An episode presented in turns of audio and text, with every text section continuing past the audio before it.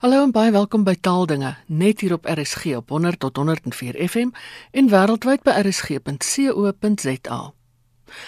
Ons praat elke dag en ons maak sinne volgens 'n patroon sonder om eers daaroor te dink. Nou ons praat vanoggend 'n bietjie oor sinne en sintaksis, die studie van sinsbou.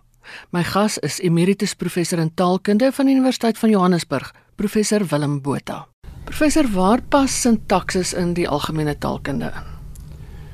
Wel as ons moet situeer, dan moet ons eers kyk na of die vraag vra wat is taal. Nou daar is baie baie antwoorde oor wat is taal. Maar dit wat ek wil sê oor wat taal is, taal is dit wat ons praat. Dit wat ons skryf is eintlik 'n weergawe van taal. Dit is 'n baie goeie weergawe, maar dit is 'n weergawe van taal. Nou as ons kyk na taal wat ons praat, dan begin ons eintlik by die klanke wat ons tot uitdrukking bring. En die klanke of die klankstelsels van verskillende tale verskil nogal van mekaar. Somstyds nie dramaties nie, ander kere wel. So as ons wil begin om taalkunde te bestudeer, behoort 'n mens te begin by die klankstelsels. En dit beteken ons moet aandag gee aan fonetiek en fonologie. Nou ja, dis nie waaroor ons vanoggend praat nie.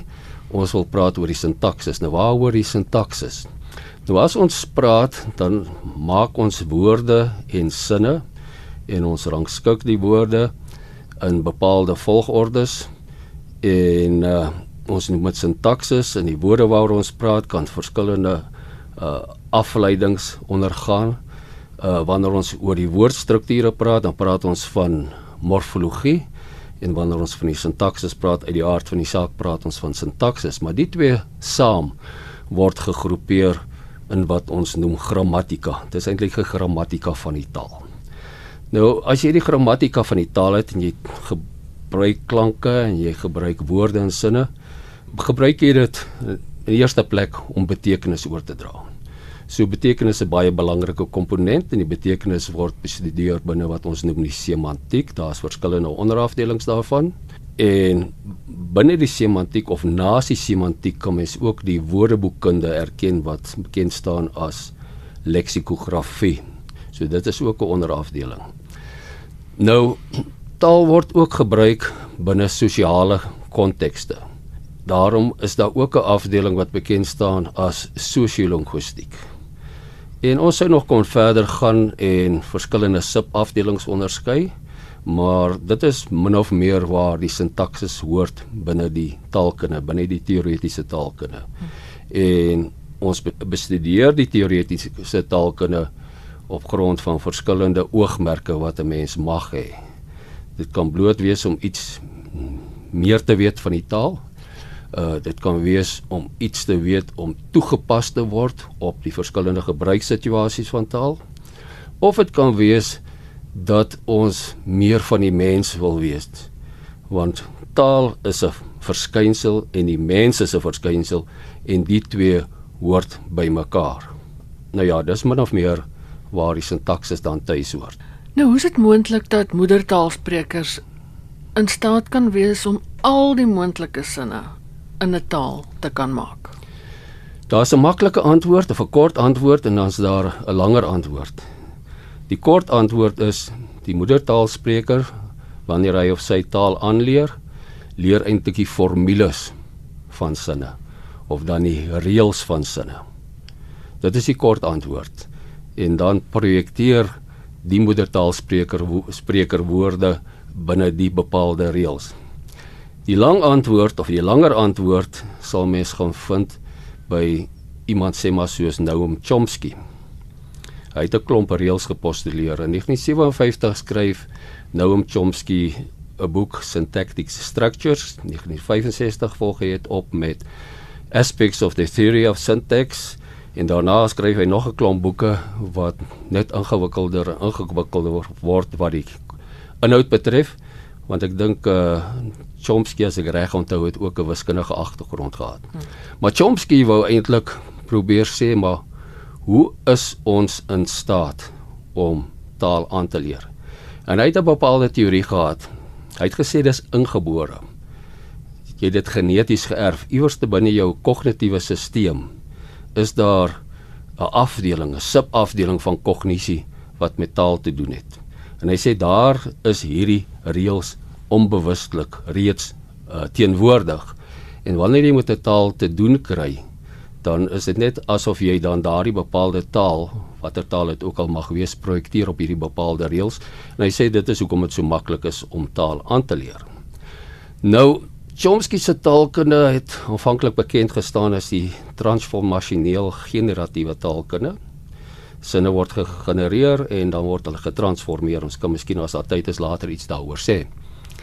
Nou hier in die laat 70er jare was daar mense soos uh, George Lakoff van die Universiteit van California by Berkeley en Ron Langecker van die Universiteit van California by San Diego en hulle het navorsing gedoen oor uh, George Lakoff byvoorbeeld oor metafore, konseptuele metafore.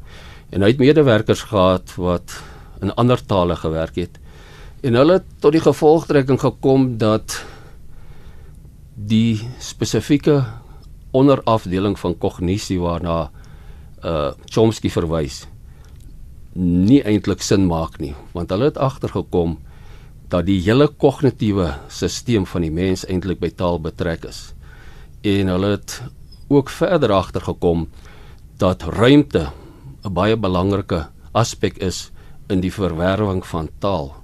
Want hulle het uh, in hulle navorsing uh, bevind dat in oor die hele spektrum tale die konseptuele metafore eintlik baie van die konseptuele metafore ruimtelik gebaseer is. Nou 'n konseptuele metafoor is iets anders as 'n taalmetafoor. Konseptuele metafoor is ook iets wat binne die kognitiewe onbewuste lê. Dit is 'n term wat Lakoff geskep het.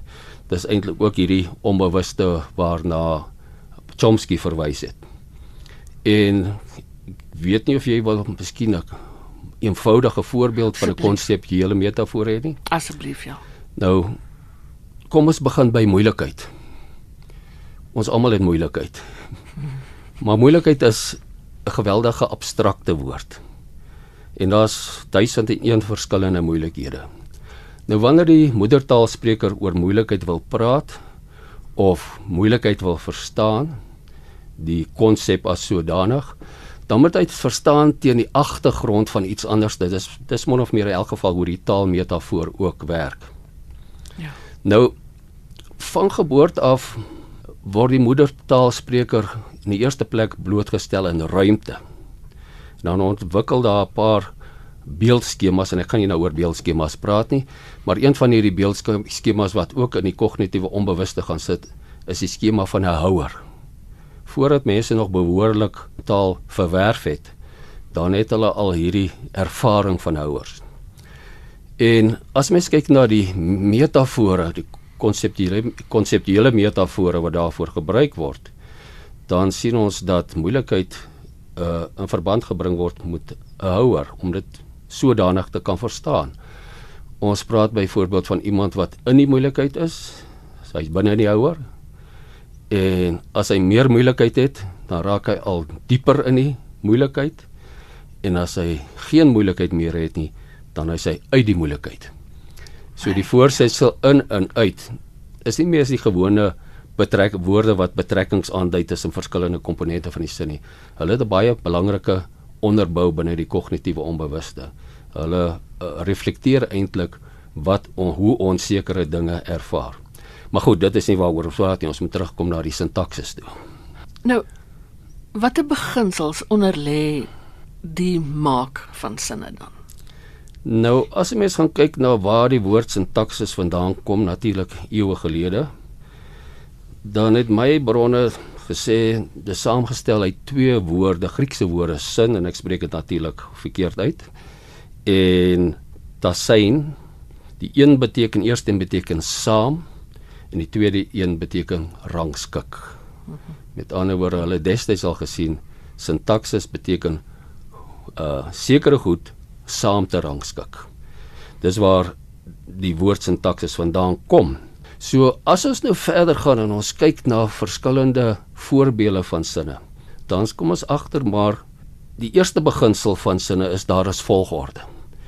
En wanneer ons volgorde verander, dan verander ons dikwels ook nou meestal die uh betekenis van die sin al is dit net 'n betekenis nuance. En ons groepeer ook woorde saam. As ek nou sommer 'n eenvoudige sinnetjie kan neem, kom ons sê maar die meisie sing. Dan het ons drie woorde daar, 'n lidwoord, 'n naamwoord en 'n werkwoord. As ons daai woordorde bietjie omgooi dan ons sing die meisie, dan het ons nou 'n inversie vraagsin of 'n algemene vraagsin wat nou eintlik iets anders sê as die stelsin. So ons het net die woordvolgorde verander. Maar wat het eintlik gebeur? Die woordvolgorde het uh so geskuif dat daar 'n groep woorde was wat saam geskuif het. Kom ek neem sommer 'n langer sin. Ek het sommer 'n sinnetjie gefabriseer. En die sinnetjie wat ek gefabriseer het en dis iets wat 'n taalkundige nooit moet doen nie. Uh maar goed, terwyl van die gesprek. Ek het gesê die kwaai honde jag die makkatte uit die tuin.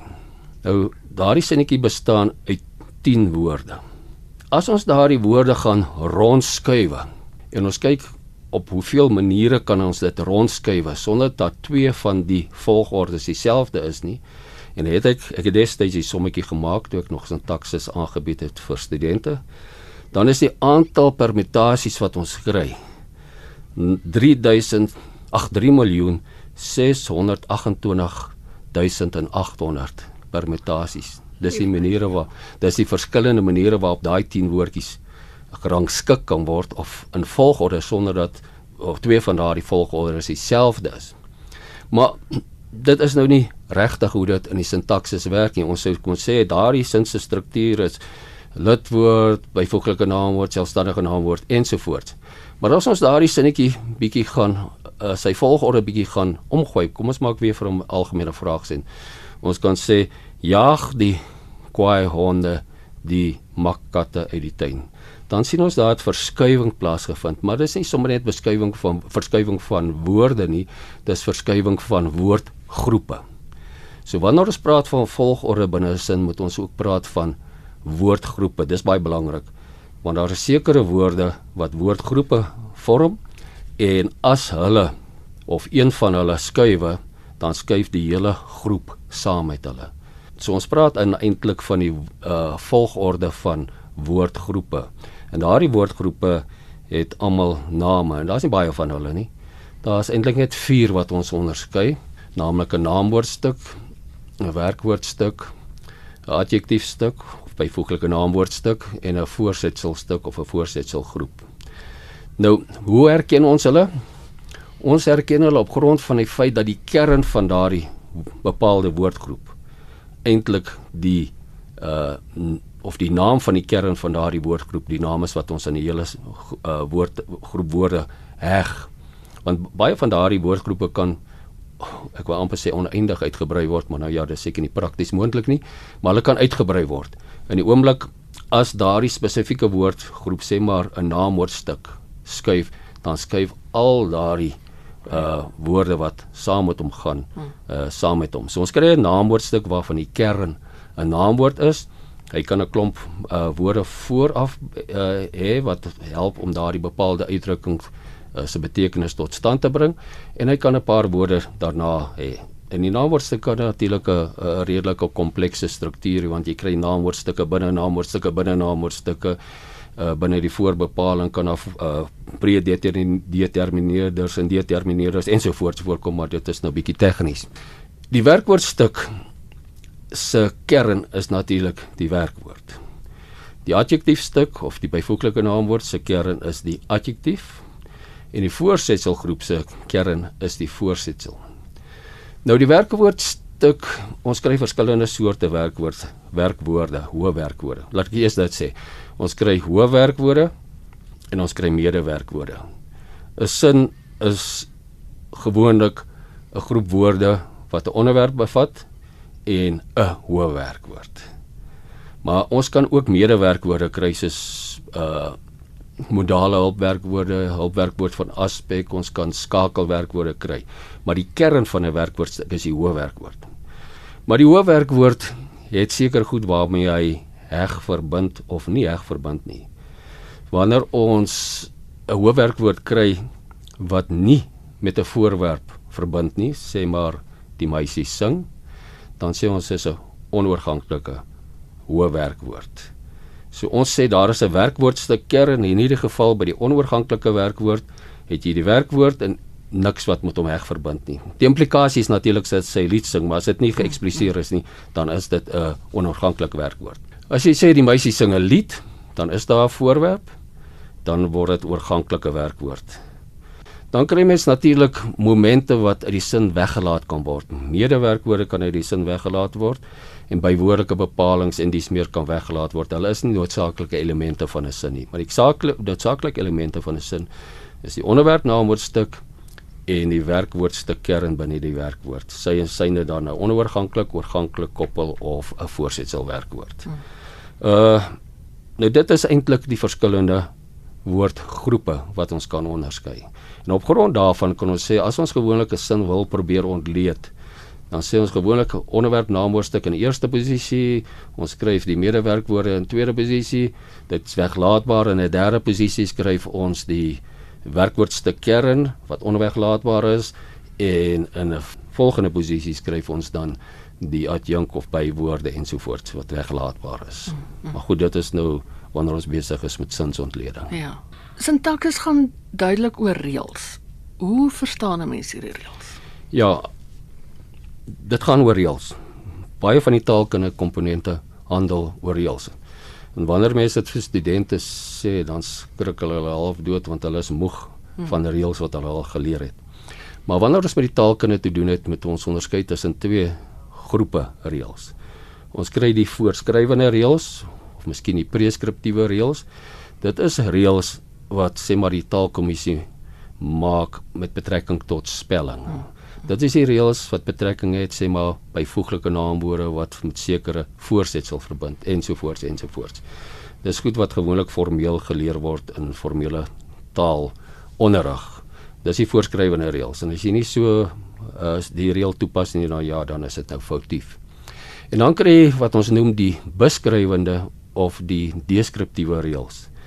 Nou waar in die taalkundige as dit navorse belangstel is die deskriptiewe reëls. En dis nie die reëls wat die taalkundige maak nie. Dis die reëls wat die taal self maak deur die moedertaalspreker se gebruik van die taal. Al wat die taalkundige doen, hy gaan skryf dit neer en hy gebruik 'n sekere uh, sê maar 'n metataal om dit neer te skryf sodat ons nou gepraat het van naamwoordstuk, werkwoordstuk ensovoorts. So die taalkundige neem waar grond van empiriese navorsing en dan uh, skryf hy dit neer. En hy sê so lyk 'n enkelvoudige sin, so lyk 'n saamgestelde sin. Nie omdat hy so sê nie, maar om of sy so sê nie, maar omdat die taal so sê. So dis die verskil. So daar's 'n klomp transformasies wat mm wat uh bestaan in die moedertaalsprekers se uh, kognitiewe opset en ons gebruik dit sonder dat ons agterkom dat ons dit gebruik. Uh en ons en ons maak komplekse sinne. Ons is daartoe in staat. Dit is wat taal so 'n wonderlike ding maak en so 'n wonder maak. Dit was emeritus professor Willem Botha van die Universiteit van Johannesburg. Hy het ook 'n blog vanuit die taalkunde, een woord, vanuit die taalkunde, waarop hy allerlei interessanthede oor taal plaas. Nou daarmee is dit groet uit. Jy kan na 'n herinsending van die program luister 3 uur op donderdagoggend in deurnag of 'n potgooi aflaai by rsg.co.za. Geniet die res van die dag in RSG se geselskap en van my Ina Strydom groete tot 'n volgende keer.